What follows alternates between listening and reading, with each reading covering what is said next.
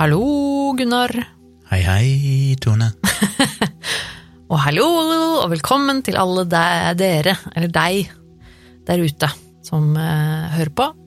Velkommen til denne nye episoden av eh, vår lille podkast, Virkelig grusomt.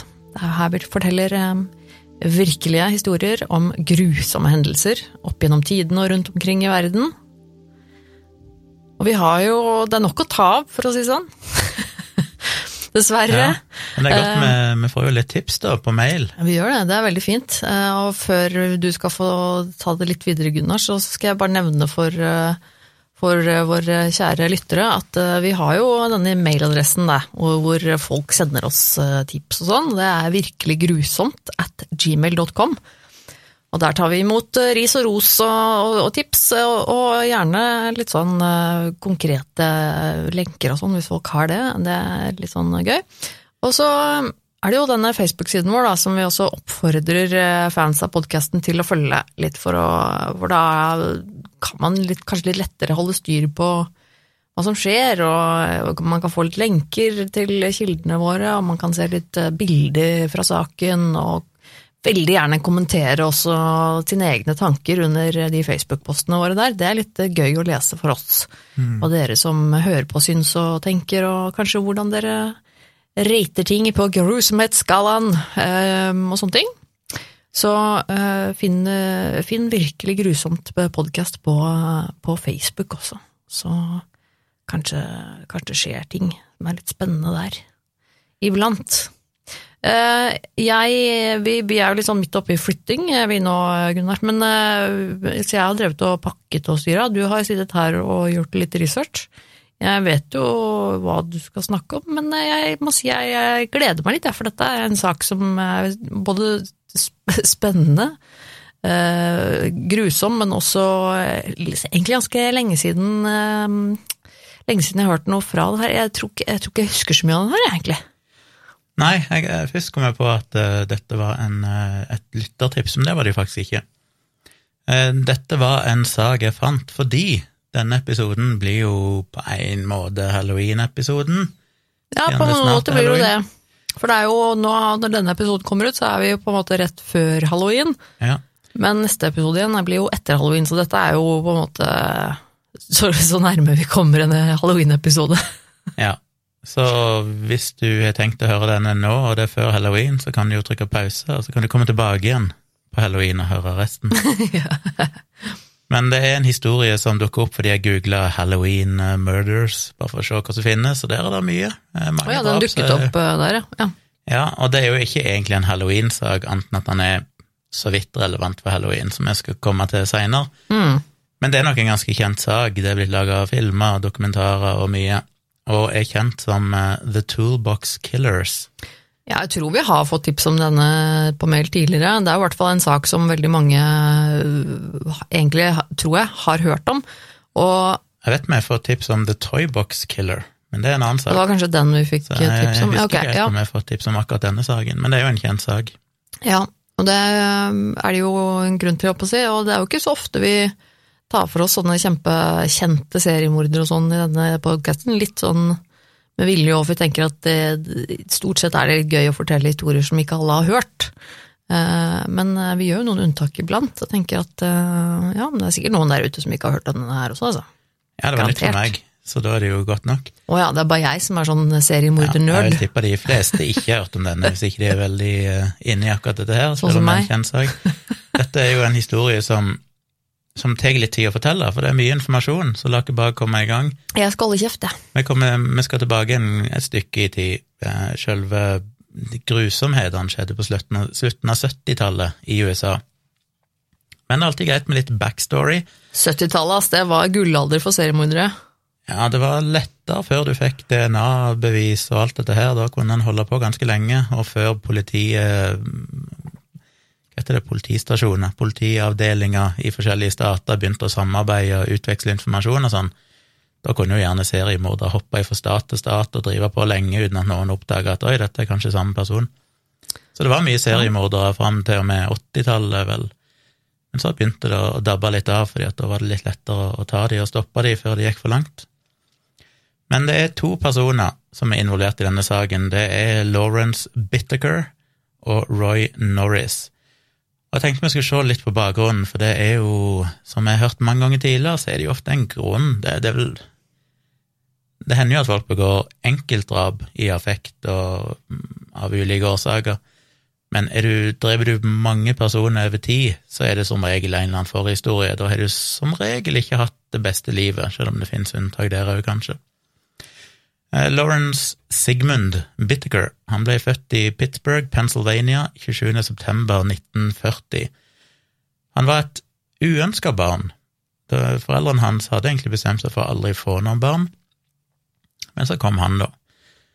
Eh, og det er jo ikke så rart, egentlig, for i tida før de hadde virkelig, før det fantes noen p-piller og sånn, og kondomer og sånn, vet ikke hvor lett tilgjengelig det var, så er det rart at det ikke det må ha vært mye barn som ikke var planlagt i den tida, for hadde mm. du sex, så var det jo ganske stor sjanse for at det ble et barn av det.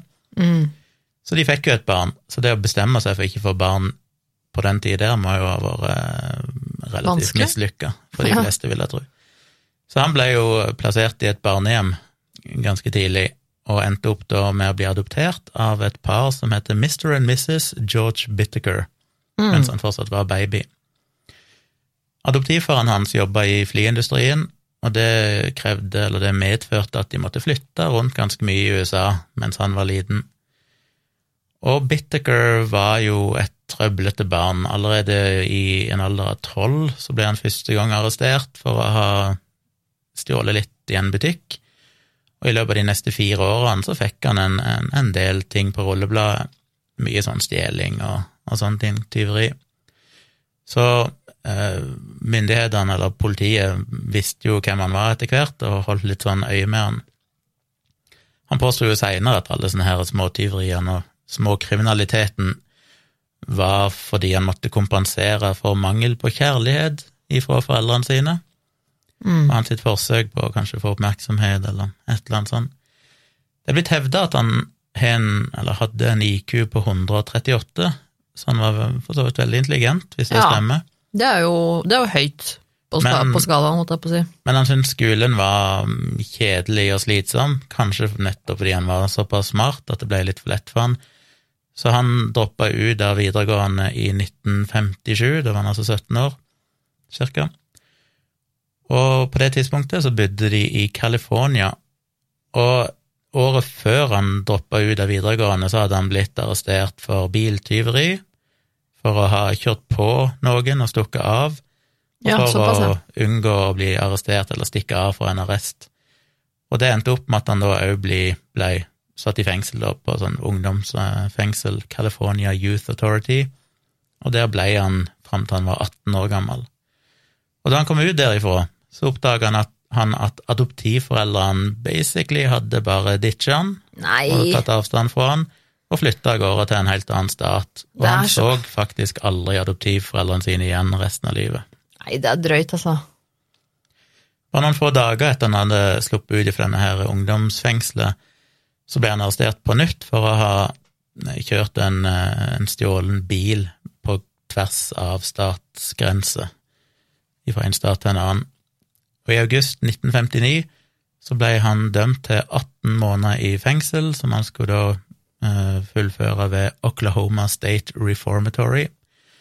Senere så ble han overført til en sånn medisinsk senter for fanger i Springfield, Missouri, for å sone resten av dommen sin. I 1960 så ble han sluppet fri for dette her, og begynte med kriminalitet igjen ganske fort. Bare i løpet av noen få måneder så hadde han blitt arrestert i Los Angeles for ran, og i mai 1961 så ble han eh, dømt til 15 år i fengsel. Det er jo ikke noe som er veldig overraskende, vil jeg si. Det er jo sånn man gjerne ser når det er eh, ungdommer sånn som har en trøblete oppvekst, og ja. som har mye kriminalitet i oppveksten sin, og kanskje blir bura inne, og så kommer de ut igjen, og så fortsetter de ofte med kriminalitet. Og det er jo ofte fordi de ikke vet hvordan å ikke gjøre det, kanskje. Det er liksom ofte litt med at man ikke vet hvordan man skal uh, få seg penger eller skaffe seg ting på en vanlig måte. Man har altså, liksom bare lært de feil metodene og feil venner og feil kommunikasjon. og ja. Og så er det dette ofte kanskje at man finner eh, spenningen i det som en god erstatning for eh, kjærlighet, oppmerksomhet og de tingene der, når man er vant til det fra når man er ganske liten. Det er jo klart man, det er vanskelig å komme seg vekk fra det, altså. Som jeg snakket om i min egen podkast, som heter Tomprat, for noen episoder siden, så er det jo kommet nå nylig et par større metaanalyser som viser at egentlig all forskning på fengselsstraff fra 80-tallet og fram til i dag unisont konkluderer med at å plassere folk i fengsel ikke har noen eh, forebyggende effekt, og kanskje til og med bare øker risikoen for at folk eh, blir kriminelle. Ja, dessverre så er det jo veldig mange som eh, knytter venner og kontakter i fengsel. Mm. Og kanskje lærer til og med nye metoder og blir litt inspirert av hverandre i fengsel, og det er klart at det Og det er jo høyst relevant i denne saken, som vi snart skal komme til. Men mens han satt inne for denne 15-årsdommen, så ble han jo diagnostisert av en psykiater som konkluderte med at han var høyst manipulativ. Ok, og, det er ikke en diagnose. Nei, det kommer litt eh, diagnoser senere, ja, men. Eh, de oppdaga tydeligvis at han var veldig manipulerende, og mm. psykiateren beskrev han òg som at han hadde en veldig sånn uh, ja, sånn skjult hat eller skjult uh, hostility, jeg vet ikke hva det beste norske ordet for det er. Ja, eller mye sinne, liksom. At ja. han var veldig sint på verden og om, omverdenen og ja. Han ble sluppet fri, prøveløslatt, allerede i 1963, altså etter bare to år i fengsel. Og i oktober 1964 så ble han igjen satt i fengsel for å ha brutt eh, betingelsene for prøveløslatelsen. Mm. Og der satt han en stund. I 1966 så ble han undersøkt igjen av to uavhengige psykiatere, og begge konkluderte med at han var basically eh, psykopat. En, vel, en høyst manipulativ person ja. som ikke var i stand til å forstå konsekvensene av handlingene sine. Mm. Og eh, Bitteker forklarte til disse psykiaterne at denne kriminaliteten han drev med, det ga han en følelse av å være viktig, selv om han òg hevda at eh, det var jo ting som hadde skjedd i oppveksten hans og i miljøet han levde i og sånn, som gjorde at han ikke klarte å motstå trangen til å begå kriminalitet. Ja. Så han fikk eh, antipsykotisk medisin, og ett år seinere så ble han eh, løslatt. Bare en måned seinere, i juli 1967, så ble han igjen arrestert, denne gangen for tyveri og for å ha forlatt eh, åstedet til ei eller annen ulykke. Står ikke noe nærmere beskrevet hvorfor ulykke det var, om det var bilulykke eller noe sånt. Mm. Han fikk fem år i fengsel, ble dømt til fem år i fengsel, men ble sluppet ut igjen i april 1970. Så det er jo en sånn gjengående her at han, han er jo knapt ute et par måneder før han havner i fengsel igjen hele veien.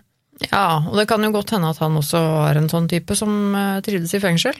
Uh, det er jo ja, mange seriekriminelle også som har vokst opp sånn, så, blant annet uh, Charles Manson også, som vokste opp på samme måte og mye av det, og han var jo nesten mer i fengsel enn utenfor i løpet av livet sitt, og har jo egentlig sagt at han trives godt i fengsel og ville egentlig bare inn igjen når han kom ut, så.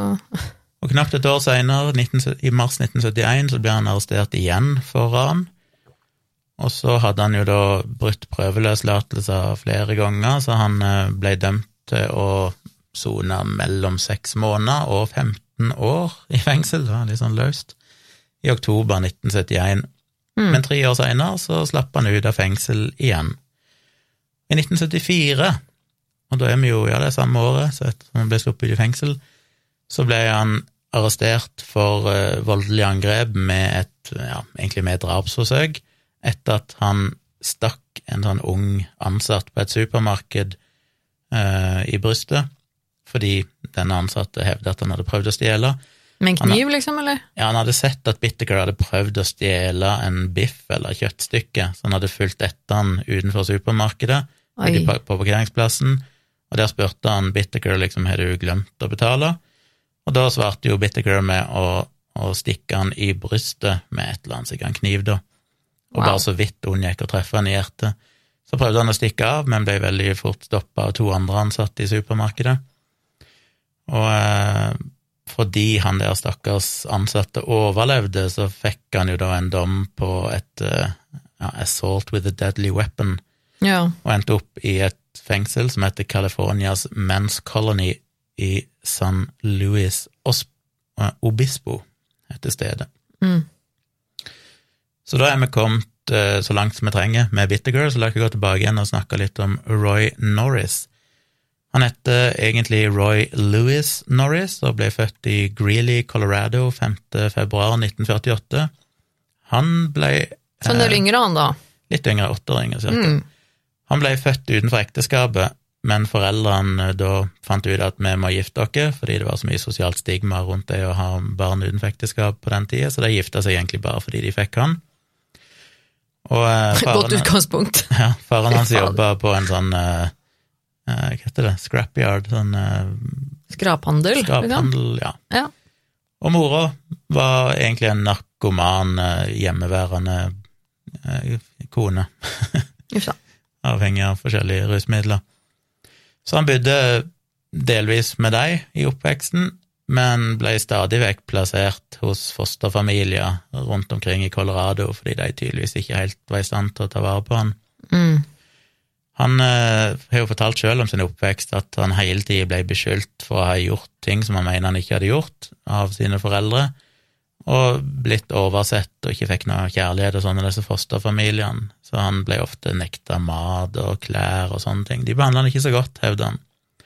Han Mm. hevda jo at han ble seksuelt eh, eller ble utsatt for seksuelt overgrep mens han var hos en spansk familie, eller en latinamerikansk familie, som gjør at han seinere har sagt at han da hata latinamerikanere, fordi at de hadde vært så stygge med han mens han bodde der. Eh, Mens han bodde hos sine biologiske foreldre da han var 16 år, så besøkte han en eh, kvinnelig slektning som var i tidlig i 20-årene, og da begynte han å snakke til henne på en sånn veldig seksuell og litt sånn ufin, ubehagelig måte. Så hun sa at hei, kom deg ut av huset, og ga beskjed til faren hans om hva han hadde gjort, og faren trua med å banke han opp. Da stjal Norris bilen til faren og kjørte av gårde opp i Rocky Mountains, og der prøvde han å ta livet sitt ved å sprøyte inn luft i en arterie arterie i armen. Uff. Det lyktes han ikke med, da.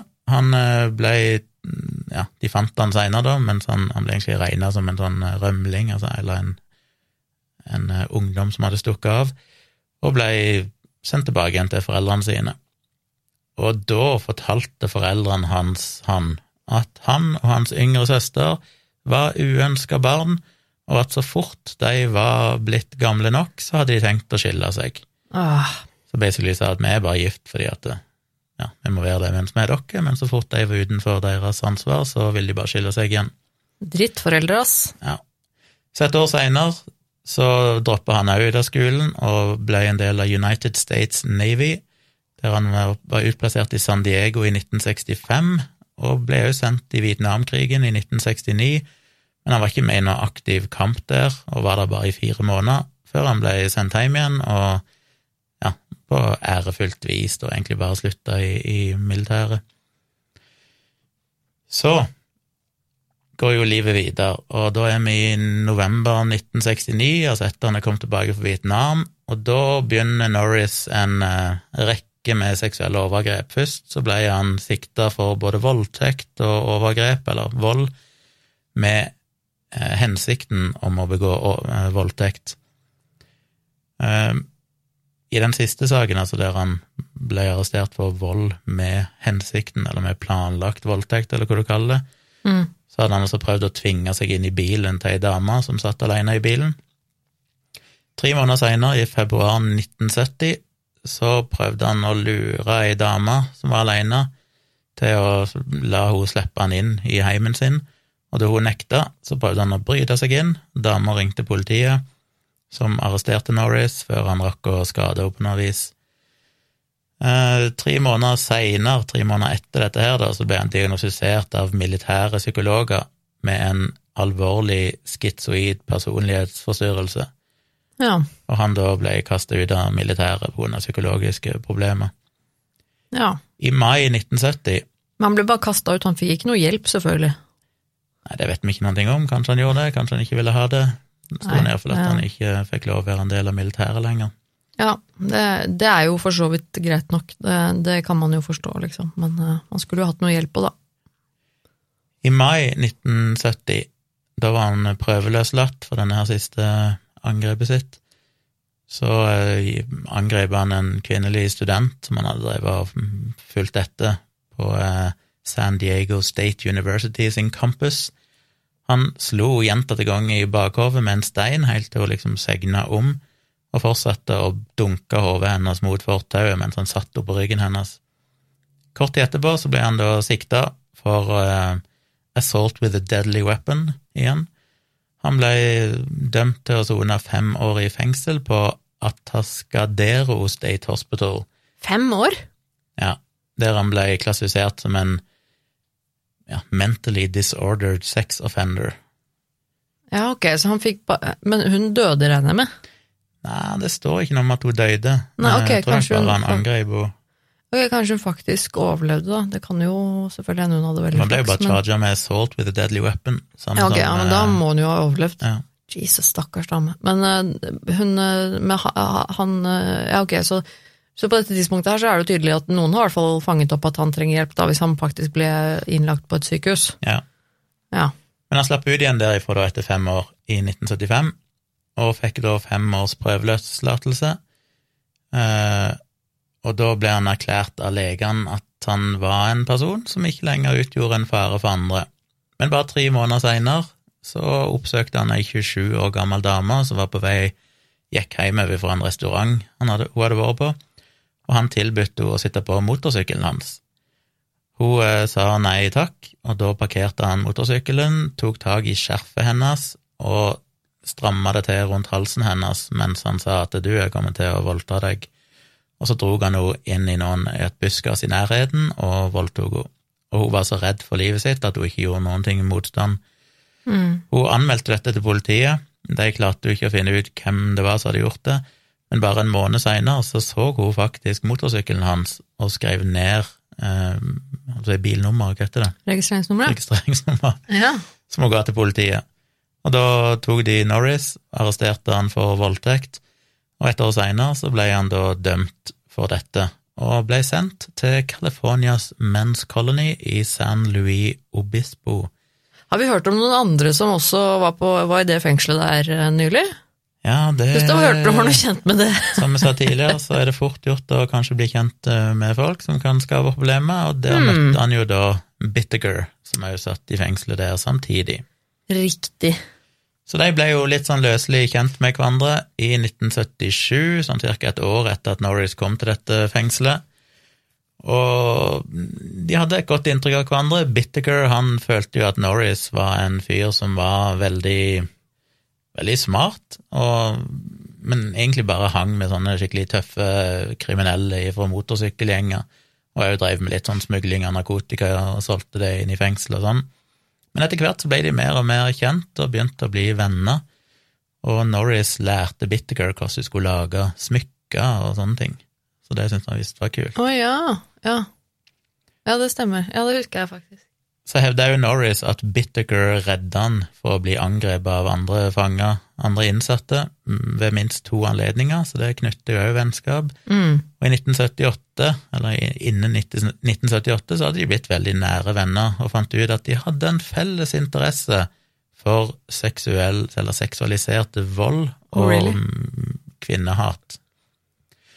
Og Norris fortalte da Bittiger at det som tente han aller mest av alt, var å se veldig, eller se vettskremte unge damer, og sa at det var egentlig hovedgrunnen til at han hadde en sånn lang eh, historikk med seksuelle overgrep.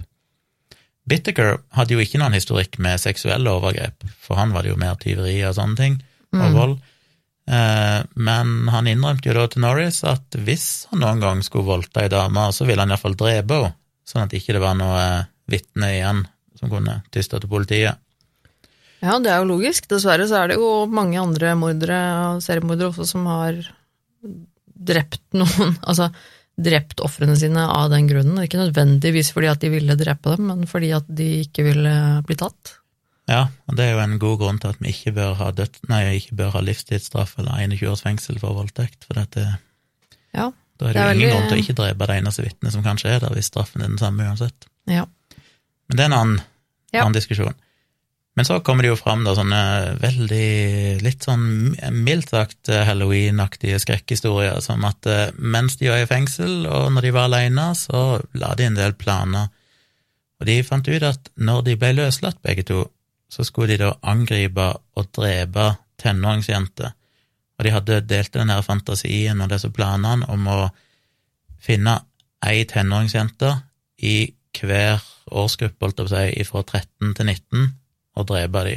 De skulle drepe ei på 13, ei på 14, ei på 15, ei på 16, og så oppover. Ja, sånn, ja. På alle, alle tallene, på en måte. Altså, ja. ja. Så de sverga at når de ble løslatt, som var på forskjellige tidspunkt, så skulle de finne hverandre igjen, og så skulle de da gjennomføre denne planen. Mm. Og Bittaker han slapp ut av dette fengselet 15. oktober 1978, reiste til Los Angeles og fikk seg arbeid som maskinist.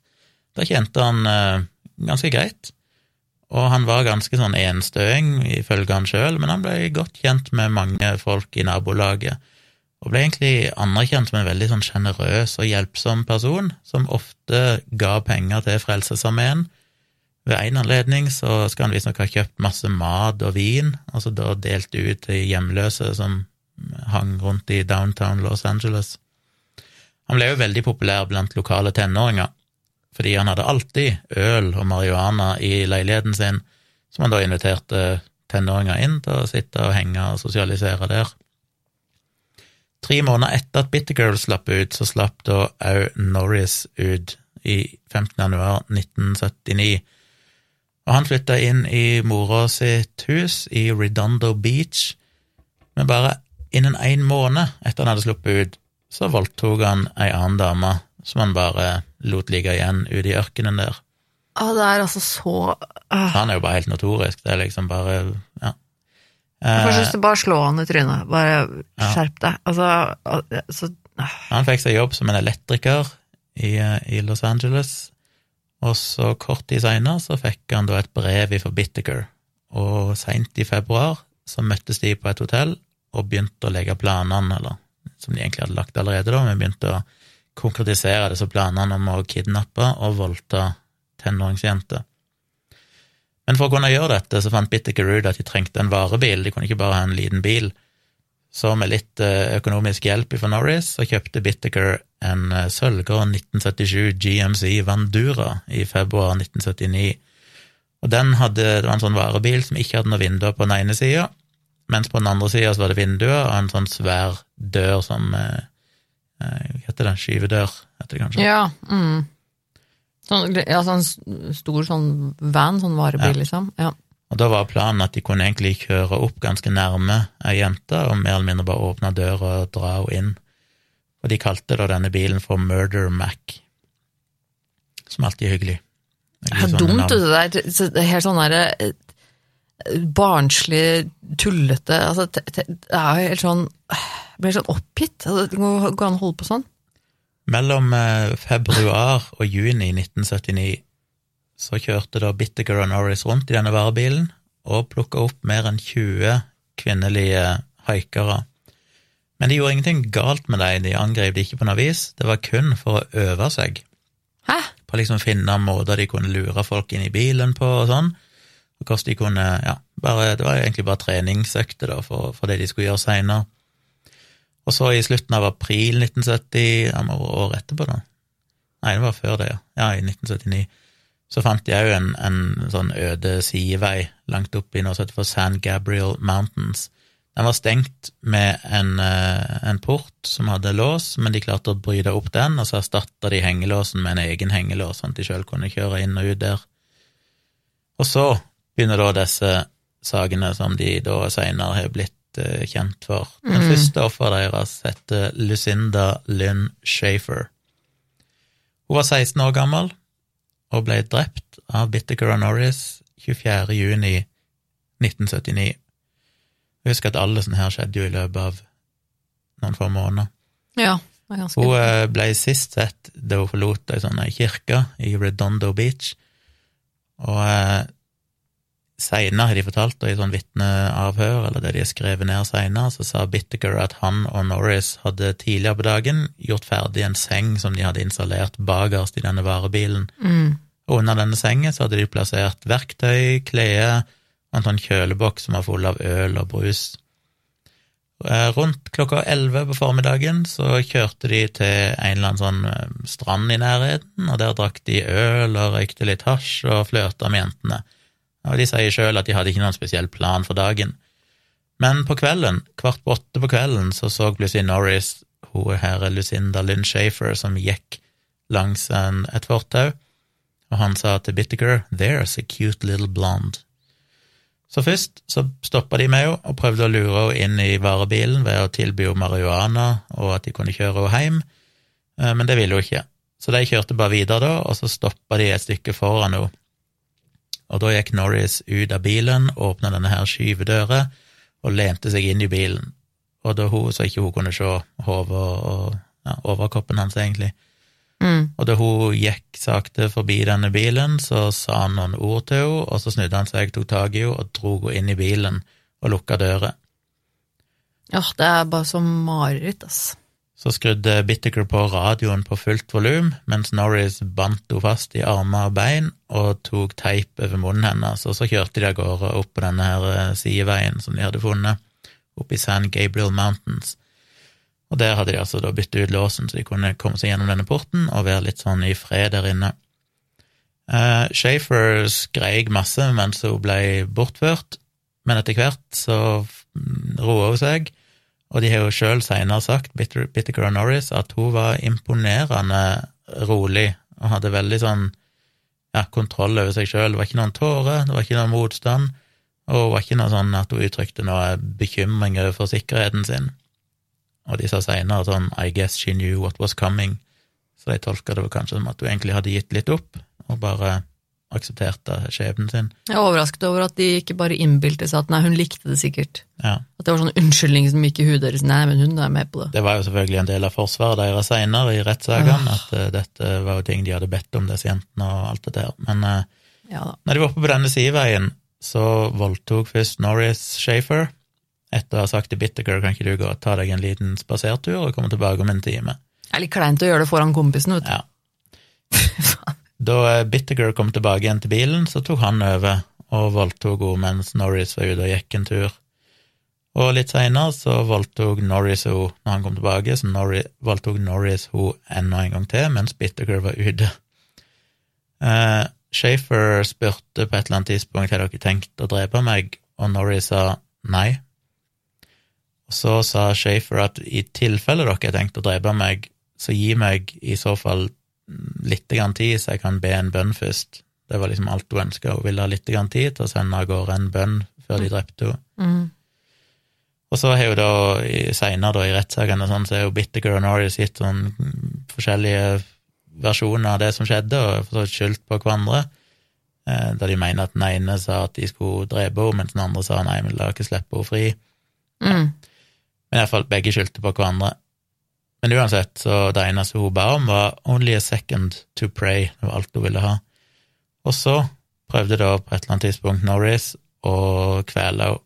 Og det ville han gjøre med hendene sine, så han prøvde å kvele henne med hendene, men etter rundt 45 sekunder så ble han så forstyrra av liksom blikket hennes, Mm. det å se henne i øynene på henne, så han sprang fram i varebilen og kasta opp.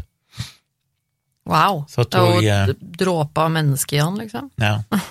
Og så tok Bittiker over og fortsatte å kvele henne helt til hun kollapsa på bakken og begynte å, å liksom få sånn Hva Åh, hva heter det på norsk? Convulsing. Eh, altså sånn anfall, Ja. eller sånn uh, sammentrekning, kramper. kramper. ja. Ja. Og da tok han en kleshenger av metall, altså med en sånn ståltrådkleshenger, ja. og rappa rundt halsen hennes, og så brukte han da en, en tang og på en måte stramma det rundt og rundt rundt halsen hennes helt til hun ble stille. Mm. Og hun fikk aldri innfridd ønsket sitt om å sende av gårde en bønn, for de bare angrep henne direkte etter hun hadde sagt det, visstnok. Etter at hun var død, så pakka de kroppen inn i, en, eh, i, et sånn eh, dusjforheng av plastikk og kasta henne ut over et stup som de hadde funnet tidligere. Og der hadde visst Bittiker sagt til Norris at uh, dyrene kommer til å spise opp, så det kommer ikke til å være noen form for bevis igjen, så ingen kommer til å finne dem noen gang. Nei, men så greit, da. Neste offer var Andrea Joy Hall. Da er vi på uh, ca. to uker seinere, 8. juli 1979. Da kom de over 18 år gamle Andrea Joy Hall, som haika langs Pacific Coast Highway. De kjørte mot henne og sakka ned farten og spurte om hun ville skulle til å spørre om hun ville sitte på med dem, men da kom det en annen bil i, det, i forkjøpet, og hun sa ja til dem, så hun hoppet inn i en annen bil og kjørte av gårde. Men de valgte da å følge etter denne bilen, helt til hun var nesten framme da, og hoppet ut av den andre bilen. Mm. Og da gjemte Norrie seg bak i varebilen, sånn at hun skulle tro at det kun var Bittiger som var i bilen. Så Bittaker stoppa på sida og sa at eh, hei, vil du ha noe kaldt å drikke, og tilbudte henne det fra, fra den her kjøleboksen de hadde bak i bilen. Mens Norris, som da lå bak ei dyne eller en sånn teppe bak i bilen, da i det øyeblikket hoppte fram og tok tak i Hall, og ja, de sloss litt, men klarte å vrenge armen bak ryggen hennes, som fikk henne til å skrike i smerte, og Norris da tok teip over munnen hennes og bandt henne fast på ankler og armer, som de gjorde med det første offeret. Mm. De kjørte igjen opp i San Gabriel Mountains, der de hadde tatt ho Shafer tidligere. Der ble hun voldtatt to ganger av Bittaker og én gang av Norris. Og mens Bittaker voldtok denne jenta da Hall andre gang, så så Norris noe som han trodde kanskje var en annen bil som var i ferd med å nærme seg. Så Bittaker tok hånda over munnen på Hall og dro henne inn i noen busker i nærheten, mens Norris da kjørte av gårde i varebilen for å prøve å finne den andre bilen, men det, den fant han aldri.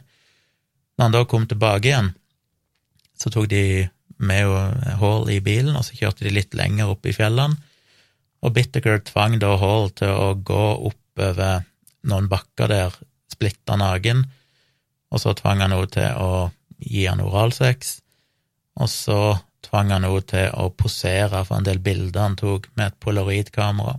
Ah. Litt seinere så kjørte de videre til en tredje lokasjon, der han igjen tvang henne til å gå oppover veien naken, og så kjørte Norris av gårde til en butikk for å kjøpe litt alkohol. Og da Norris kom tilbake igjen, så fant han Bittaker aleine.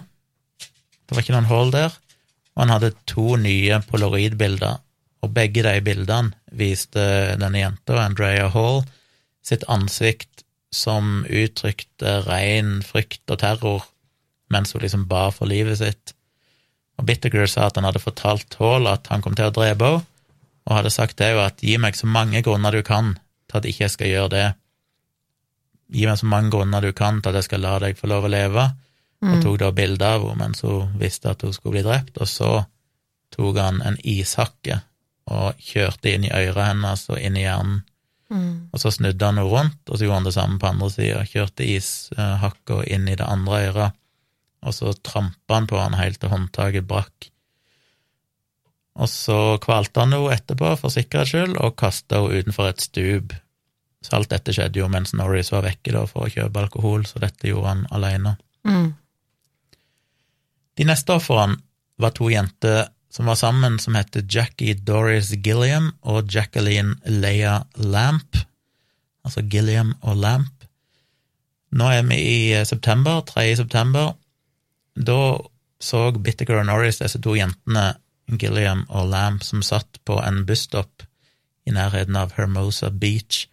De hadde haika langs Pacific Coast Highway, og ja, jeg kan jo si at eh, Lamp var 13 år og Gilliam var 15, Ja. så må jeg jo si at uh, det var andre tider, kanskje, i den tida. Vi snakket vel om det i en tidligere episode, dette her med at eh, haiking var veldig mye mer vanlig i den tida der. før det ja, det var veldig sånne- vanlig. Ja, det var liksom for mange også, Men det husker vi jo på en måte fra på, på 70-tallet òg. Det var jo mye Ikke bare i Statene, men det var visst ganske vanlig her hjemme i Norge òg at det var Det er jo saker vi har hørt fra tidligere mordsaker her i Norge òg, at det var på en måte vanlig at skulle man fra A til B, så kunne man bare haike, og så satser man på at man fikk sitte på med noen, liksom. Ja, og ideen om at ikke du skal haike, er jo egentlig i stor grad irrasjonell. Det er jo mye sånn Ja. medieskapt frykt, for det var ikke så mange saker totalt sett. Risikoen er jo ekstremt liten, men det ble jo noen sånne mediesaker, sikkert inklusiv denne, som bare gjorde at det ble en sånn frykt rundt det, så det bare egentlig stoppa helt etter Ja, hvert. for selvfølgelig i utgangspunktet så er det jo ikke farlig å haike. Det er de fleste mennesker bare er normale og vanlige mennesker. Det er jo de færreste av oss heldigvis som er eh, overgrepsmennesker eller, eller mordere. Men det at det er liksom ei jente på 13 og 15 som er ute og haiker langs en motorvei, det, det høres jo absurd ut i dag, kanskje. Ja. De fant i hvert fall disse jentene, og de stoppa og spurte om de ville sitte på, og det sa de ja takk til. Og inni bilen så ble de da tilbudt både marihuana eh, Nei, de ble tilbudt marihuana av Norris, og det sa de ja takk til. Kort tid etter de hadde kommet inn i bilen, så oppdaga de at Bittaker, som da kjørte, hadde kjørt vekk fra denne motorveien, fra hovedveien, og begynte å kjøre oppover nå heter det for Pacific eh, Nei, kjørte imot San Gabriel Mountains, som jo er det vanlige plassen de alltid kjører. Mm. Og de begynte å protestere, og Bittaker og Norris sa liksom at nei, nei, nei, dette, det er en god grunn til dette. De hadde prøvd liksom å roe det vekk med at det var ikke noe å bekymre seg over, men de svelgte ikke den uh, bortforklaringa. Så Lamp, som da altså bare var 13 år, hun prøvde å åpne denne døra for å hoppe ut, men da tok Norris og slo i bakhovet med en, en pose som var fylt av sånn metallbeder, eller Ja. metallskruer og forskjellige ting. Så hun besvimte et kort øyeblikk, og så eh, gikk han løs på 15 år gamle Gilliam. Han begynte da å binde henne fast og sette på teip over munnen, men eh, Lamp kom da til bevissthet igjen og prøvde igjen å rømme, men da tok Norris tak i henne og vrei armen bak på ryggen hennes og dro henne inn i bilen igjen. Og Bittaker oppdaga da at shit, dette her kan jo egentlig folk som kjører forbi se, så han stoppa bilen og gikk bak og slo til Gilliam i ansiktet og hjalp Norris med å binde de fast og få liksom knepla begge to. De kjørte altså opp i San Gabriel Mountains igjen, og der ble de holdt fange i nesten to dager, bundet og og eh, Jeg sa jo nettopp det ordet, jeg er så dårlig mor, gagged, eh, knebla, Ja. mens de gjentatte ganger ble utsatt for seksuelle overgrep og fysa, ja, vold, og Physical abuse. Mm. Mennene sov på sida av jentene mens de var bundet sånn i senga, og en, så bytta de på det å holde vakt til ikke noen kom. På et eller annet tidspunkt så tok Bittaker med seg Lamp, som jeg skal huske på var bare 13 år gammel, og tvang henne til å posere for noen pornografiske bilder som han tok av henne, før de kom tilbake igjen til varebilen. Og Bittaker ba òg Norris om å ta mange bilder av han sammen med Gilliam, som da bare var 15, både ja. nakne og med klær på. Jøss. Eh, De første tre gangene som Bittaker voldtok Gilliam, så spilte han òg inn dette på kassett, eller på en eller annen opptak. Altså lyd? lydopptak. lydopptak av seg sjøl, Ja. mens han voldtok henne og tvang denne jenta til å late som at uh, hun var søskenbarnet hans, eller niesa hans Nei, ikke niese. Um, jo, er det niese? Nei, ikke dette. Nei, niese, det er Ja. søskenbarn. Kusine, hvor jeg lette etter. Oh, ja, ok, ja, sånn ja. tvang henne til å late som at hun var kusina hans, og sa til henne at du må bare føle deg fri til å uttrykke så mye smerte du vil, for de likte godt å høre liksom disse jentene lide og skrike og, Ah, og sånne altså. ting. Ja. Eh, Han skal visstnok òg ha torturert henne ved å stikke henne i brystene med, denne, med en ishakke, og bruke en, eh, en knipetang som han brukte på både ja, kjønnsorganet og forskjellige plasser på huden hennes og sånn, og reiv nest, eller reiv visstnok av deler av den ene nippelen hennes brystvorte. Etter to dager i fangenskap så ble disse jentene drept. Um, I en senere, når de da havna for retten, dette her, da, så hevda jo Norris at han hadde sagt at eh, Gilliam måtte bli drept veldig fort, fordi hun hadde egentlig vært medgjørlig hele tida, mens Lamp, den yngste av disse jentene, hadde jo vært ganske sånn vrang da, prøvd å rømme og sånne ting. Men da hadde Bittaker sagt at no, they only die once anyway. Så Gilliam ble stukket i begge ørene med ishakker, og så ble hun kvalt til døde. Etter at Bittergirl hadde drept Gilliam, så tvang han Lamp ut av varebilen, og så eh, ropte han til henne du hadde lyst å forbli eh, jomfru, og nå kan du få lov å dø som en jomfru. Og så tok Norris og slo i hodet med en eh, sledgehammer, eh, ja, slegge. slegge. Og så hoppet Bittaker på og kvalte henne til han trodde at hun var død, men så åpna hun plutselig øynene igjen, og så fortsatte Norris å slå i hodet, i med denne slegga, mens Bittaker fortsatte å kvele henne. Mm. Og begge to ble da Likene ble kasta ut fra et slags stup da, ned i noen sånn eh, buskas. Det som er så det, er, det å bli kvalt til døde er en så jævlig måte å dø på, for det tar så lang tid. Altså, Og det, Jeg lurer på konsekvensen av å få den ishakka stukket inn, i- inn i ørene. Jeg vet ikke hvor ja, det den er men- altså, helt tenkt, altså, da, da er det på en måte Jeg tenker, det er jo en ekstremt eh, i mangel av et bedre ord, kreativ eh, måte å liksom skulle drepe noen på. Jeg lurer på hva, hva som var greia med det. Altså, Nei, det er jo det, det finnes så andre måter å gjøre det på som Men de ønska jo ikke at de skulle dø enkelt og greit. De nøyd jo synet av at de hadde makt over dem. Ja, de tydeligvis så gjorde de jo det. Jeg mener, som jeg nettopp sa, så sa jo eh, Så ønsker jo Norris at iallfall Gilliam skulle være eh, bli drept altså humant, eller iallfall sånn fort, men det Mm. ville jo ikke Bittiger. Han sier jo 'they only die once anyway', så han ville jo at de skulle lide mens de døde. Mm. Men det virker ikke som at de noen gang voldtok hun yngste, hun Lamp, for hun døde jo ei jomfru, som han sa, så det var bare Gilliam som ble voldtatt flere ganger. Men begge ble jo da drept til slutt. Så er vi til det siste offeret som er kjent i denne saken, Shirley Lynette Ledford. Det var det som eh, foregikk på halloween, eh, var Ja. det?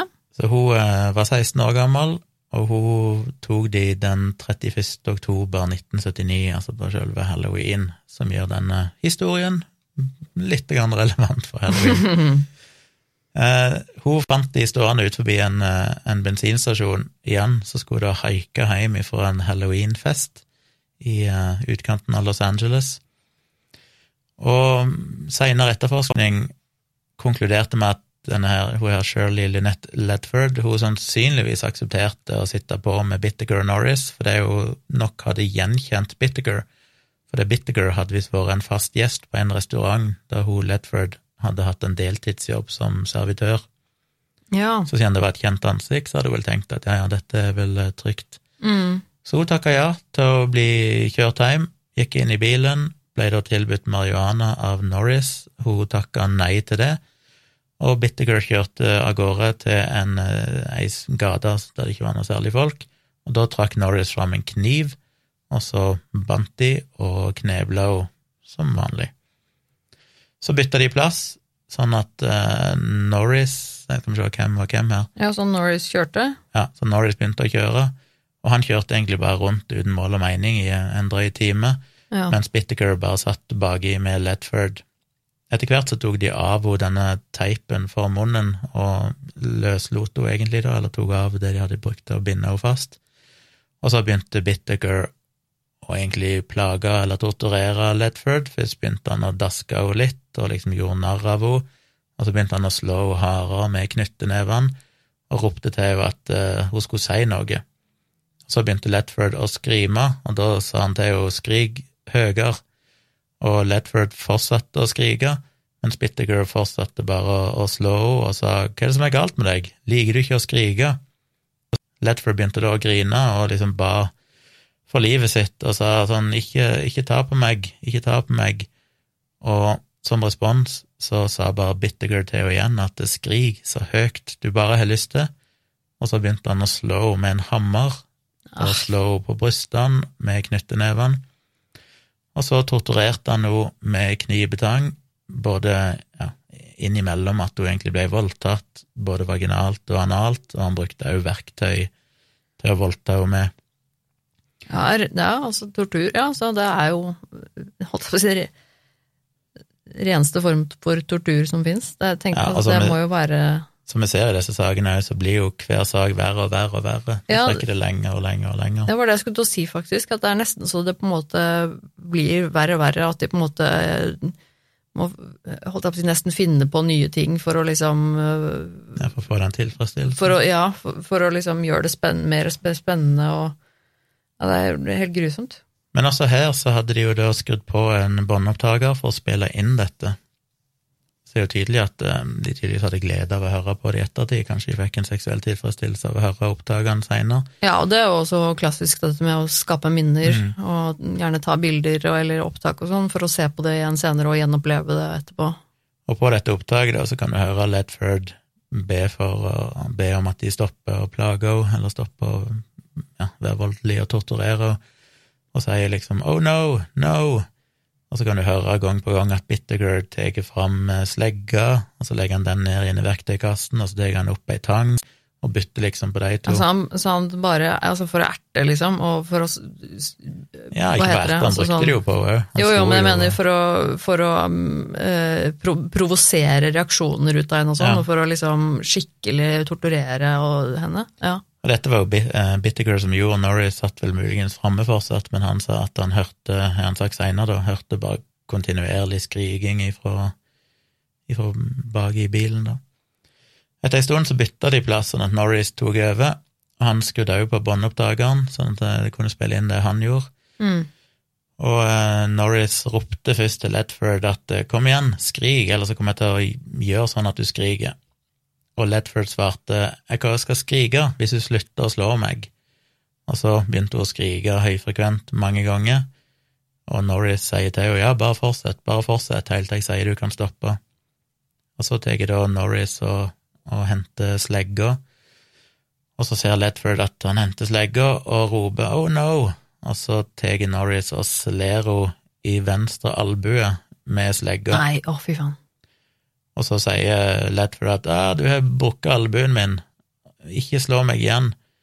Og som respons på det, så tar Norris da slegga, og hun fortsetter å skrike no, no, no, mens han slår henne 25 ganger til i samme albuen med slegga.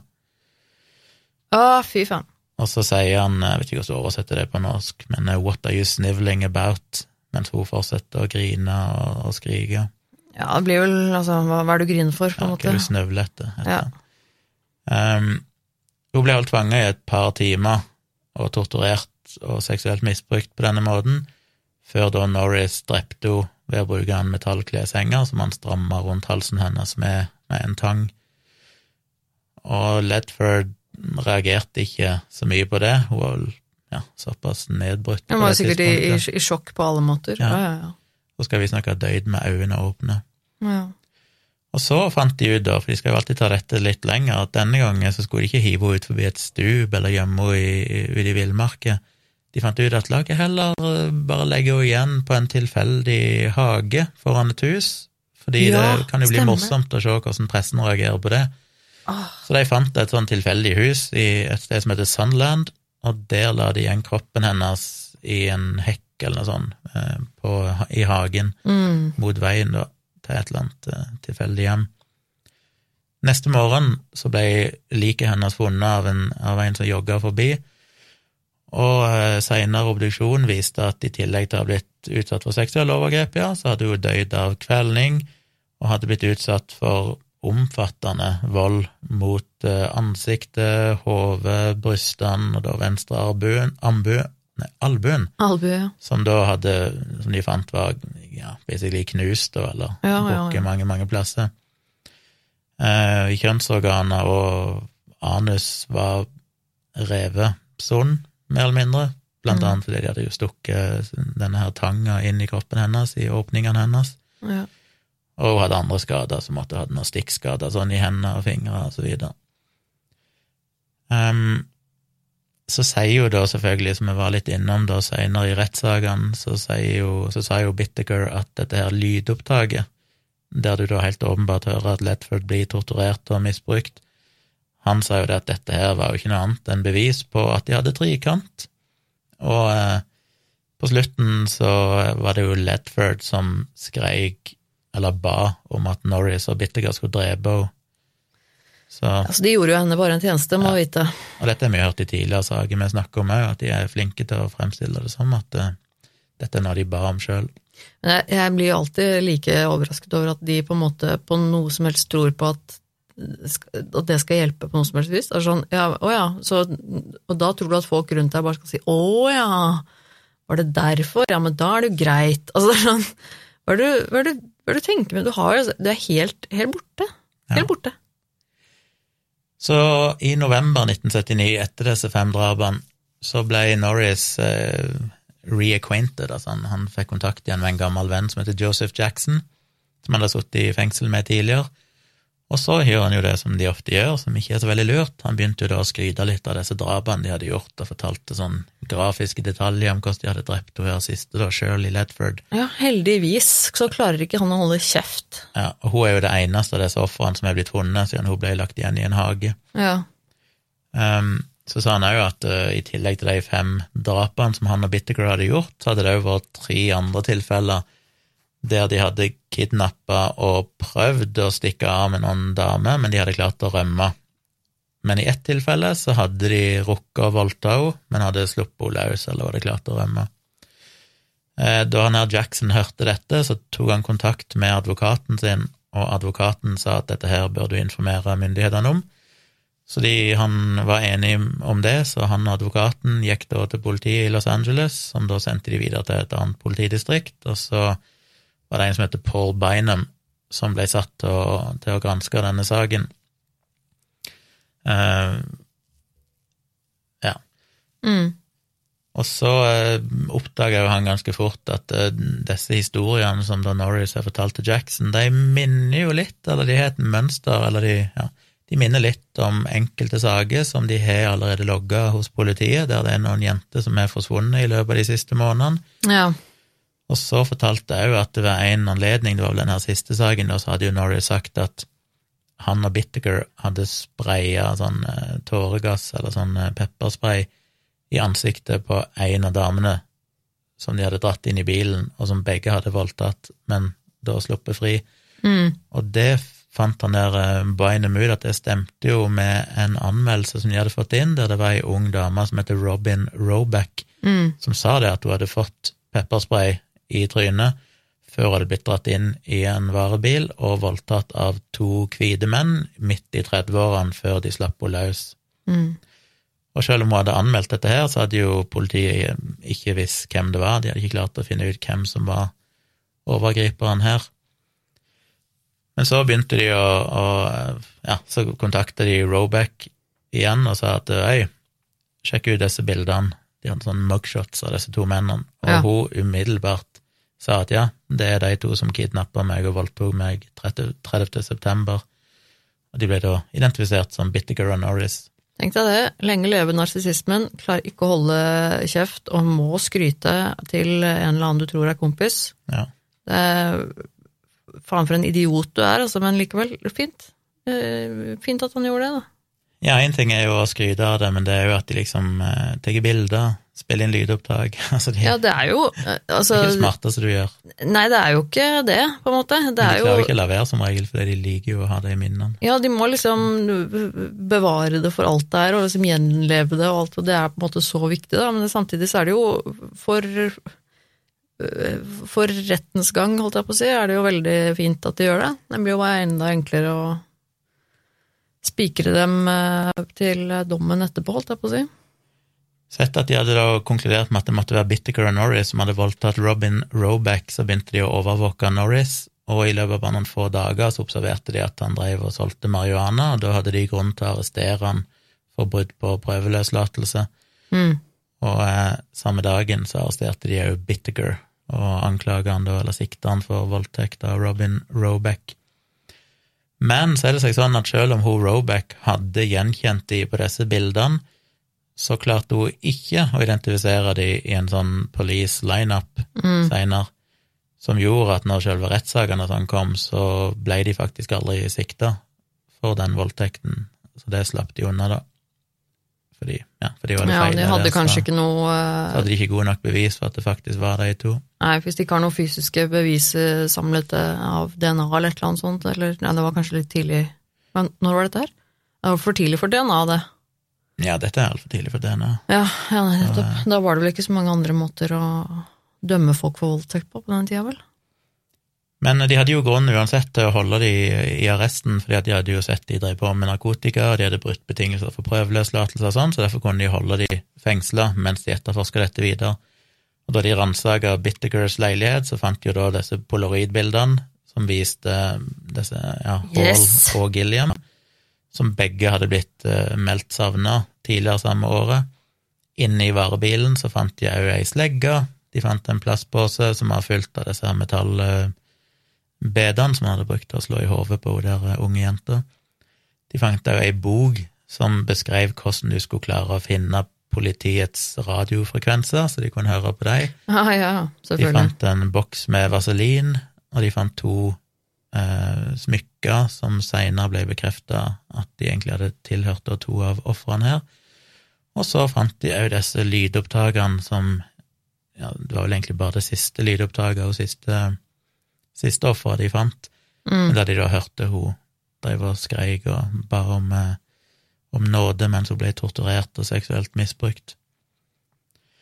Eh, og mora til Ledford, altså hun som var på dette båndopptaket, og siste offeret, hun klarte å identifisere stemmen til Ledford på dette opptaket, altså stemmen til dattera si. Ja, det må jo være Og så klarte de å identifisere stemmene til Norris og Bittaker på opptaket, så det var ikke noe tvil om at det var de som, som gjorde dette, da. Ja, det er flott. De skaper bevis mot seg selv. Det er veldig bra.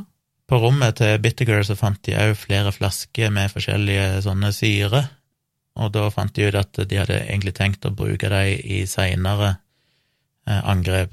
Så jeg trengte å bruke syre, jeg vet ikke om det var for å kvitte seg med likene, eller om det var for å torturere dem, eller et eller annet, men de hadde De rakk aldri å bruke dem, da, heldigvis. Mm. Og de fant òg mer smykker som tydeligvis tilhørte disse jentene som de hadde stjålet. Og i eh, leilighetene eller hjemmene til både Bittiger og Norris så fant de til slutt med bilder av mer enn 500 tenåringsjenter og unge damer eh, som ikke var tatt av de, men som de hadde tatt på stranda og på universiteter eller videregående skole og sånn. Så de var ganske creepy, åpenbart. De gikk jo rundt og tok bilder av, av jenter, unge De var jenter. ganske som- creepy, eller? ja. Allerede før de begynte å, å drepe, Eh, ja. så var de tydeligvis ganske creepy. De gikk rundt og tok bilder av eh, unge jenter sånn uten at de visste om det sjøl. Og så blir dette en lang historie, så det er mye en kan snakke om her, men det endte iallfall opp med at til slutt eh, Norris innrømte dette, og for å gjøre en lang historie kort, så eh, fikk han inngått en avtale med, med politiet om at han ikke skulle bli dømt til døden, og ikke få en sånn life without parole, mot at han da vitna imot han andre. Ja. Og det er mye å lese om dette. Mye fram og tilbake, mye interessant, men jeg kan ikke gå gjennom alt. Eh, Jeg kan si litt om selve ofrene og hva de fant. Um, de, Norris eh, endte opp med å si at eh, ja, jeg kan være med politiet opp i San Gabriel Mountains for å lete etter det som liker han, tok de til de plassene der de hadde kvitta seg med de forskjellige jentene. Mm. Og de fant egentlig ingen av de, bortsett fra Hvem var det de fant? Um, jo, de fant uh, Lamp og Gilliam, altså de to unge jentene på 13 og 15. Ja. De fant de bare skjelettene til, og spredde utover et stort område langs ei elv i bunnen av en dal som de hadde kasta det utfor eh, Mm. stupet til. De har tydeligvis sikkert blitt spist av dyr og sånne ting. ja. De fant en, eh, en ishakke fortsatt sittende fast i hodeskallen til Gilliam, og i skallen til hodeskallen til Lamp så fant de da masse skader som tyder på at hun hadde blitt slått i hjel med ei- slegge, Mm. eller iallfall slått mens hun samtidig ble kvalt. da. Så i februar 1980 så ble de formelt sikta for drapene på disse fem jentene. Um, ja, altså var det mye fram og tilbake, som jeg nevnte tidligere, de skyldte på hverandre og bla, bla, bla. Uh, men det ble en, en rettssak, og uten å gå inn i detaljer på den rettssaken, så kan jeg jo bare si at som en del av rettssaken så ble jo da dette lydopptaket spilt av. Vi spilte av 17 minutter av dette lydopptaket av hun siste offeret, Ledford. Nei. Og det ble jo stilt spørsmål om det Ja, når de ja, Da advokaten da spilte dette, så sa han til juryen For those of you who don't know what hell is like, you will Mm. find out. Mm. Det ble jo eh, bedt om at ikke de skulle spille av dette, og media og andre spurte vel seinere liksom, hvorfor i all verden spilte dere av dette lydopptaket, men da sa han advokaten at at eh, jo, de hadde, juryen hadde rett til å høre hva disse jentene ble utsatt for, så de mente jo at det var nødvendig, men, men til og med aktor i saken, han måtte jo gå ut etter at Ja. lydopptaket var spilt inn, og grein åpenlyst, og flere jurymedlemmer satt bare og grein og grein. Og Ja, mange av de sleit jo med traumer etter den rettssaken, etter å ha hørt disse lydopptakene og, og fått beskrevet liksom detaljene i det som hadde skjedd. Ja, nei, det, det kan jeg lett uh, forstå. At det, bare det å høre den lyden kan være traumatiserende. Det, det tror jeg på. Det verste er jo at de eh, gutta satt sikkert og koste seg mens de fikk høre den siste gang. Absolutt. Eh, De satt i rettssalen og smilte hele tida. Ja. Det var for to forskjellige rettssaker, men jeg husker ikke hvilken rettssak det ble spilt av i, om det var i begge. Ja, nei, ja. Men iallfall de satt iallfall bare og smilte under hele avspillinga av dette her. Og det er jo som det som går igjen, da, at de begge to blir beskrevet som at de Selv om Norris endte opp med å innrømme eh, en del av dette her, så viste de aldri De uttrykte aldri noen form for anger eller noen ting sånn Nei. det meste Det lengste de gikk å uttrykkene noen følelser rundt det, var at de syntes det var forbaska dumt at de hadde blitt tatt, for det ødela jo resten av livet deres. Ja, Så Ja. ja, det hadde de jo rett i. det det. At det ødela resten av livet deres. Nei, det er jo helt åpenbart at de var jo psyk psykopatiske, begge disse to. De hadde jo på en måte ikke noe emne til eh, empati på noen som helst vis. Mm. Norris, eh, eller Bittiger, ble dømt 17. februar 1981, etter at juryen hadde diskutert i tre dager. Han ble dømt til Å ja, fem, det var såpass lenge. fem tilfeller av overlagt eh, drap, ett tilfelle av planlagt eh, drap, eller planlegging om å begå et drap, fem tilfeller av kidnapping, ni tilfeller av voldtekt, to tilfeller av at de ble tvunget til oralsex, ett tilfelle av sodomi, Mm. og eh, tre tilfeller av at de hadde vært i besittelse av et ulovlig skytevåpen. Mm. Og så, etter det var gjort, da, så begynte de å diskutere selve eh, dommen, da, eller Og da var det jo skal han få dødsstraff, eller skal han bli sentenced til life without parole? Og da diskuterte de bare i juryen i bare 90 minutter før de kom tilbake igjen, og dømte Bittaker til døden og Ja. de tingene han hadde gjort. Eh, Men så, ja, så 24. mars så ble han da formelt sett dømt til døden, men bare sånn for sikkerhets skyld, i tilfelle det i framtida skulle bli endra, sånn at denne her dødsdommen ble, ble endra til, til bare fengsel, Ja. så sørga dommeren for at han skulle få en alternativ dom på 199 år og fire måneder i fengsel, i, sånn med umiddelbar virkning, bare for å sikre at selv om han ikke ble dømt til døden, så skulle han jo iallfall sitte i fengsel resten av livet sitt, uten tvil. Ja. Um, Norris Hva var det gikk med Norris her nå? Ja, for det, det hender jo, som vi vet, altså, hvis det er eh, Det har jo vært stater, bare sånn for å få det så til for klurer, for det hender jo at det er stater som, eh, som gjør om på loven så det ikke lenger har dødsstraff.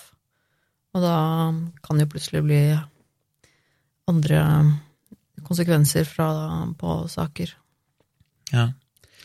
Nå endte jo Whittaker aldri opp med å bli uh, han, han satt jo på death row, og det var litt sånn fram og tilbake med denne dødsdommen, men de endte jo opp med å dø begge to. En naturlig død i fengselet. Bittaker han døde i 13. desember 2019, i en alder av 79 år, Var det så seint han døde? Han døde av naturlige eh, årsaker. Og det samme gjorde Norris. Han døde 24. februar 2020, så altså bare ja, to måneder seinere, i en alder av Ja. 72.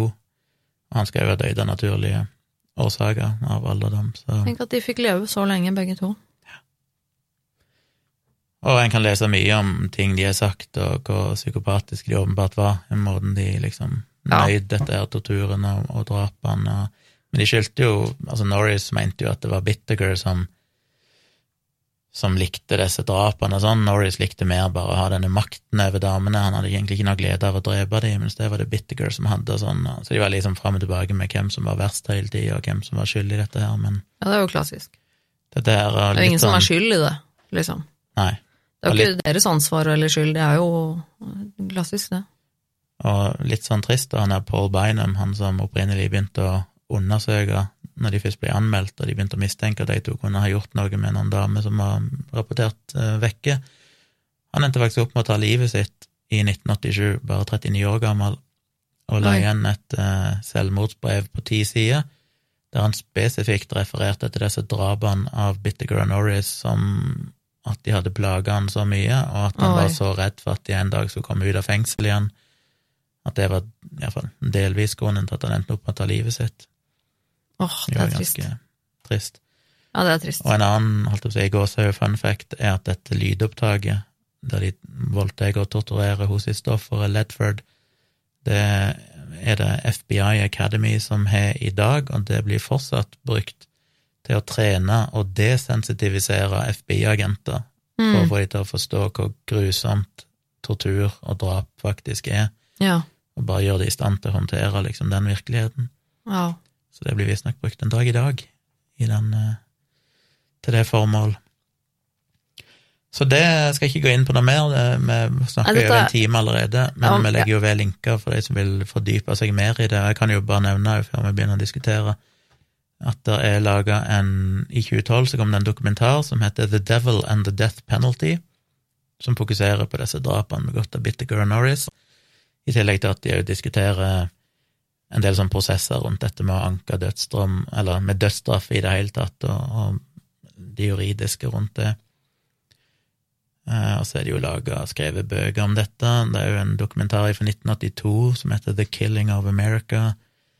Er En eh, ja, episode i forskjellige sånne true crime-dokumentarer og så videre. Så det er, en, det er en del dere kan se. Det finnes sikkert diverse YouTube-videoer om det, selv om det ikke er sett ennå.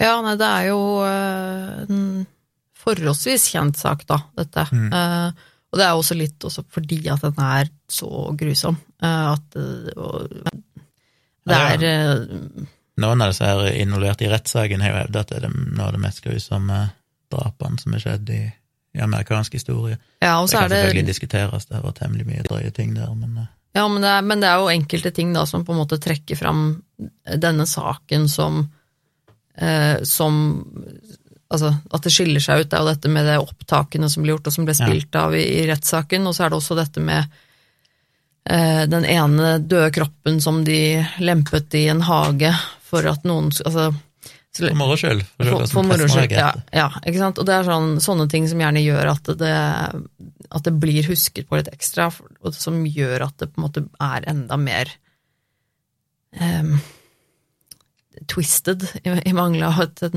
godt norsk ord. Altså, det er, for det er liksom bare en sånn en sånn gjennomgående eh, ondskap, egentlig, som på en måte ligger bak det her. Og det er veldig sånn eh, nesten litt fascinerende at, at det faktisk er Det er litt fascinerende, nesten, at det, dette er to, er to mennesker. Dette er, dette er mennesker, på en måte. Eh, eh, Folk eh, som deg og meg, holdt jeg på å si. mm. jeg mener, altså av kjøtt og blod. Som kan på en måte inneha så um, så mye altså, For å si ondskap, da, eller jeg syns det er et sånn dårlig ord å bruke, men, men likevel, Ja. altså, som på en måte kan mangle så mye av det vi på en måte ser på som menneskelige egenskaper, og det med empati, og det med å på en måte kunne bare gjenkjenne at andre mennesker også har en, en verdi i seg selv, eller bare ha følelser, eller bare det å altså, Og det en ting er jo ikke på en måte kjenne på det, men jeg ser heller ikke bry seg om det. Altså, det er en så Det er så, det er så um, Ja. Jeg ser forresten her bare at eh, jeg nevnte jo det at de tok jo lydopptak òg når de voldtok eh, hun der 15 år gamle Gilliam, Mm. men det lydopptaket ble jo aldri funnet noen gang, så det har de aldri sett. Visst sjøl hevda at han hadde begravd det på en kirkegård et eller annet sted. Oh, ja. Så det var derfor de bare fant det siste lydopptaket av hun Bedford, som ble torturert og voldtatt og, og drept. Men ja, men det jo, de har jo en altså, Vi starta jo med denne historien, og det er jo Det er jo nesten sånn klassisk psykologi. To menn, eller to gutter, som er vokst opp med foreldre som åpenbart ikke ville ha de, ikke var noe glad i de, veldig ustabilt fram og tilbake med fosterforeldre og adoptivforeldre Ja. tidlig involvert i kriminalitet, eh, som gjør at de får en sånn overdreven trang til å dominere, til å føle seg viktige. Og Mm. da er det jo selvfølgelig damer det går utover, for dette er jo fysisk underlegne. Eh, om det er noe sånn spesifikt hat mot kvinner, enten for den ene var det jo seksualisert, og siden ikke de var homofile, så blir det jo da damer det går utover. eller om det òg kan knyttes til at når du da føler en underlegenhet og mangel på kjærlighet, så er det kanskje mora di du skylder mest på ofte. Fordi det er kanskje Kan der du mest forventer at kjærligheten skal komme ifra, iallfall på den tida. Og derfor så utvikler du kanskje et spesielt hat mot kvinner, men det, det står ikke spesifikt noe plass, tror jeg, at de hadde noe sånn hat mot kvinner, det var jo mer bare det at de, de fikk Mm. en seksuell tenning av det å kunne ha makt og dominere og påføre de smerte og høre de Mm. lide og skrike, da.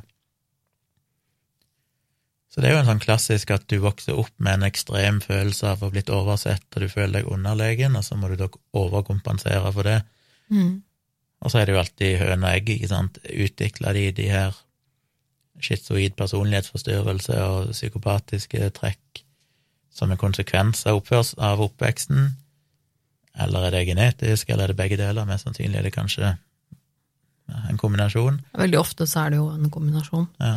Men her er det også tydelig en, i hvert fall, eh, om ikke overvekt, det vet man jo ikke, men i hvert fall en tydelig vekt er, er jo oppveksten og det miljøet som de har vokst opp med, også det at det er fra så ung alder, da, at de, faktisk for det, altså er jo noe med det at eh, som barn så må man eh, Man er på en måte ikke født med den evnen Hva skal jeg si man, man må faktisk lære hvordan man skal være mot andre mennesker, da.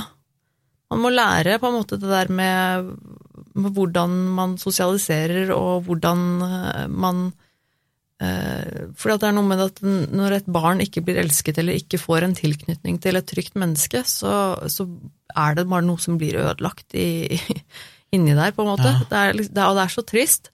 Det er det jo Eh, forskning på òg, med sånne babyer, apekatter, alt mulig. Hvis ikke de får nærkontakt de første månedene. Så dør sånn, de jo bare. Ja, så Altså, det er, det er helt Og det er helt uh... Du fucker jo totalt opp hjernen hvis Ja, du i i årene tidlig ikke opplever nærhet, kroppskontakt, kjærlighet. Så, Og det ødelegger jo virkelig eh, utviklingen på så mange måter, da. Og det er klart at det i seg selv er jo ikke klart, Vi må jo si også selvfølgelig at det er jo en unnskyldning i seg selv, og det er jo heller ikke noen grunn til det i seg selv, at de ble så onde at de, og gjorde disse handlingene. For det jo, finnes jo mennesker også som, som har opplevd en fryktelig grusom eh, barndom, men som vokser opp til å på en måte kunne være bra mennesker. Så det er klart, eh, det er vanskelig å putte fingeren på akkurat hva som er svaret på sånne ting, men det er nok en kombinasjon av, av det genetiske og oppveksten, men også det, de valgene man har tatt underveis, da, det miljøet man havner i, eh, de vennene man får seg, de, de, eh, de måtene man finner eh, eh, De måtene man mestrer ting på? At det er noen som på en måte havner i den, i den skumle spiralen hvor de kjenner at å, adrenalin eller dette med makt eller dette med på dette, dette, mm, ved kriminelle handlinger eller noe, det gir deg noe, det gir en spesiell følelse, og så blir det en slags um, en erstatning og en, en måte å få ut vonde følelser eller få ut ikke sant? Det er um, ja. Det må jo ofte en sånn perfect storm til før sånne ting Ja. skjer. Altså det er, det er mange faktorer Heldigvis, som må sammenfalle. ja. Ja, heldigvis. Og derfor er det vanskelig å peke på én ting, det er jo sjelden én ting, men det er jo kombinasjonen av, som du Mm. sa, både oppveksten, som tydeligvis var vanskelig, og muligens psykiske, psykisk sykdom og ting som kan være genetisk og sånne ting. Og så erfaringer de har i oppveksten med kriminalitet og sånn, som baller på seg. Mm. Inn og ut av fengsel, som gjør at de får kontakt med andre kriminelle og sikkert lærer seg mer å bli kriminelle. Og så ikke minst at de da møter tilfeldigvis hverandre, at de deler de samme Og det er også noe ja. si, for å, å torturere damer og sånn. Og det er jo også noe vi har snakket om i tidligere saker, hvor det er flere gjerningspersoner som har gått sammen om å gjøre, gjøre, gjøre handlinger, og det er jo øh, litt den derre fascinasjonen om at, eh, holdt jeg på å si, like barn leker best, at man på en måte også eh, Og jeg kan jo forstå det også, ikke sant, for når du, når du er så Du er jo utafor, og du er jo veldig unormal når du har sånne tanker og så følelser. Og det er klart at man er jo likevel et menneske som også når man finner da en likesinnet person, så, jeg, så kan jeg tenke meg at det må jo være eh, det, det må være helt eh, superkult, fantastisk følelse for vedkommende. Og liksom, Øy, det er ikke bare meg som er sånn, jeg fant noen andre, og så gir man hverandre ideer, og så eh, blir det på en måte bare en spiral nedover i helvete. Det, Det er jo interessant allikevel, for den, det var jo egentlig bare Norris som drev og voldtok og, og seksuelt forgrep seg på damer mm, før de møttes. Bittiger, han hadde jo Ja, han var kriminell, sånn stort hit and sett. run og, og Ja. tyveri og ran og alt mulig sånn, men, og vold, men ikke noe seksuelt i det hele tatt. Så gudene vet om han noensinne hadde gjort noe Nei, av seksuell karakter si. hvis ikke han hadde møtt Norris. Men de, Og gudene vet hva Norris hadde gjort. Ja. Han, han hadde jo en lang historikk med å voldta sånn uansett, så det hadde han nok gjort uavhengig av Bittaker, men om de hadde gått så langt som å drive og, og kidnappe og drepe, vet vi jo ikke. Nei, det er selvfølgelig helt umulig å, å si, men eh, det er jo helt tydelig at begge to eh, Begge to hadde en veldig antisosial oppførsel og var manipulative og, og psykopatiske, så jeg tenker at eh, sjansen for at Selv om de ikke hadde funnet hverandre, så tenker jeg at eh, sjansen for at de hadde eh, fått et streit liv, eh, er ganske liten. Jeg tenker at Hvis ikke de hadde funnet hverandre, så hadde de nok fortsatt å være kriminelle på hver sin side. Jeg vil mer Nei, ja, nå er ikke en tilhenger av, eh, av fengselsstraffer i de aller fleste sammenhenger. Og eneste, eneste situasjonen der det ser ut til å egentlig ha noen sånn god effekt med fengselsstraff, det er jo folk som du rett og slett må fjerne fra samfunnet fordi de er en, Mm. en pågående fare. Og det overrasker meg jo litt at de ryker inn og ut av fengsel, ikke bare med sånne bitte små dommer, men også dommer som gir de opptil 15 år og 5 år og sånn. Ja, jeg Og så hele tiden blir de prøveløslatt, og hele tiden Mm. ryker de igjen igjen noen måneder seinere, men de slipper fortsatt ut igjen neste gang. Men det kan altså, jo På et eller annet tidspunkt så burde en jo kanskje tenkt at disse folkene her, de er jo en trussel for samfunnet. Ja, absolutt, men det er jo det er jo også sånn eh, veldig mye komplekse problemstillinger, spesielt i staten også, hvor det er fengsler som ofte er veldig, veldig fulle, Mm. og du har eh, økonomiske aspekter i det hele, og så kanskje de oppførte seg ordentlig Selv om det kanskje ikke var så ille på 60- og 70-tallet. Nei, som det, var, det var mer på 80-tallet og sånn. De begynte virkelig å kommersialisere fengslene og sånn, tror jeg. Jo, men, eh, men det er nok, og det er jo sikkert Vi vet jo alle det at det, det er mye fulle fengsler og mye problemer med det i statene, fordi at eh, veldig mange får veldig lange dommer, og veldig mange blir sittende veldig lenge i fengsel. Så jeg vet ikke, det er Altså, jeg er jo ikke tilhenger nødvendigvis at de skulle ha vært sperret inne, da, men det de burde fått, var selvfølgelig psykologisk hjelp. De burde kanskje vært tvangsinnlagt over lengre tid. Men de, Ja. de ble jo delvis det, jeg husker ikke hvem som hvem lenger nå, men den ene ble jo det, og de ble jo sluppet Ja. fri da med legens attest på at de ikke utgjorde en trussel for samfunnet lenger, men så gikk det jo bare en måned, liksom, og så var de på'n igjen, så, mm, så det er kanskje noen dårlige vurderinger som lå til grunn der. Ja, uten tvil.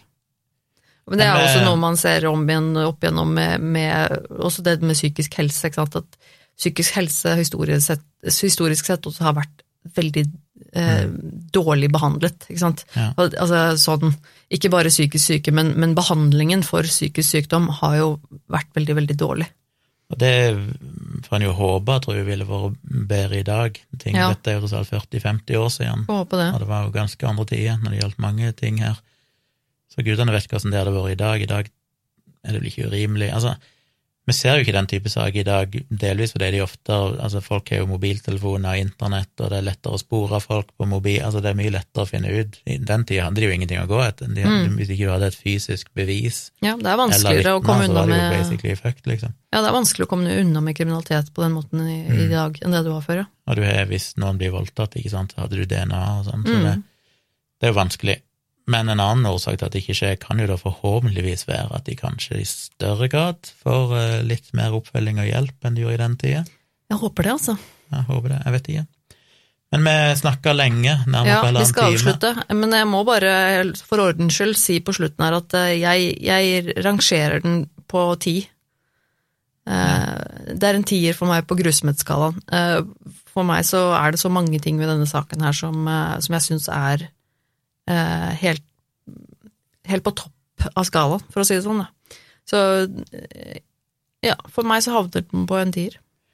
Ja, det er jo to liv som basically fra fødsel har vært ikke særlig bra, åpenbart. De har ikke hatt noe godt, de gjerningspersonene heller.